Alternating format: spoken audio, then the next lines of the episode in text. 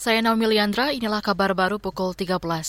Presiden Joko Widodo menyambut gembira terhadap peningkatan capaian kerja, sama ekonomi dan perdagangan antara Indonesia dan Palestina.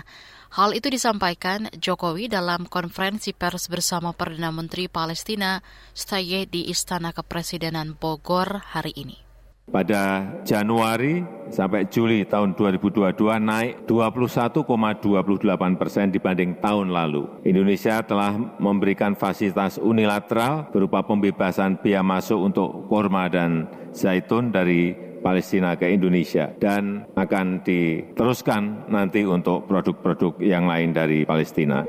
Presiden Jokowi berharap kerjasama ekonomi dengan Palestina ini dapat ditingkatkan di masa yang akan datang. Kunjungan Perdana Menteri Palestina Muhammad Stay kali ini merupakan kunjungan perdana ke Indonesia sejak terpilih sebagai kepala pemerintahan pada Maret 2019 lalu.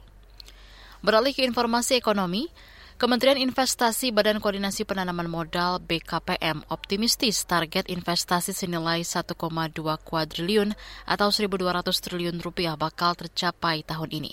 Menteri Investasi Kepala BKPM Bahlila Hadalia mengatakan hingga kuartal ketiga realisasi investasi sudah mencapai 892 triliun rupiah lebih. Sampai dengan September, Alhamdulillah kita sudah mencapai 892,4 triliun year on year-nya tumbuh 35,3 persen, eh, 35,3 persen.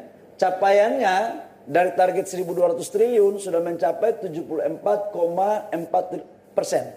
Jadi dari target 1.200 triliun kita sudah mencapai 74,4 persen. Menteri Investasi Kepala BKPM Bahlil Lahadalia menjelaskan realisasi investasi paling banyak terjadi di sektor industri logam dasar, barang logam termasuk transportasi, gudang, dan telekomunikasi. Lima provinsi dengan investasi terbesar tahun ini adalah Jawa Barat, DKI Jakarta, Jawa Timur, Sulawesi Tengah, dan juga Riau. Nilai investasi di daerah-daerah itu antara dari 70 triliun hingga 130 triliun rupiah. Beralih ke informasi lain, Saudara, pemerintah tengah merevisi peraturan Presiden Perpres terkait pengelolaan cadangan pangan sebagai upaya pengendalian inflasi. Deputi Bidang Ketersediaan dan Stabilitas Pangan di Badan Pangan Nasional Igusti Ketut Astawa mengatakan, revisi Perpres itu bertujuan agar Bulog menyerap panen petani dan dapat memenuhi kebutuhan cadangan pangan pemerintah. Oleh karena itu kami sedang menata dengan pembenahan perpres eh, cadangan pangan yang sudah ada di Bapak Presiden, maka tiga yang poin pertama kita tata terlebih dahulu yaitu beras, jagung, dan kedelai. Kemudian kita akan tata berikutnya sehingga beras, jagung, kedelai ini harus dimiliki dan dikuasai oleh Bulog nantinya untuk mengendalikan harga.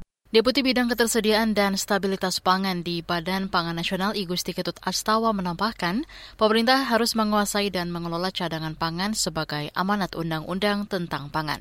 Saat ini Bulog tidak memiliki cadangan pangan komoditas selain beras. Saudara, demikian kabar baru KBR. Saya Naomi Liandra.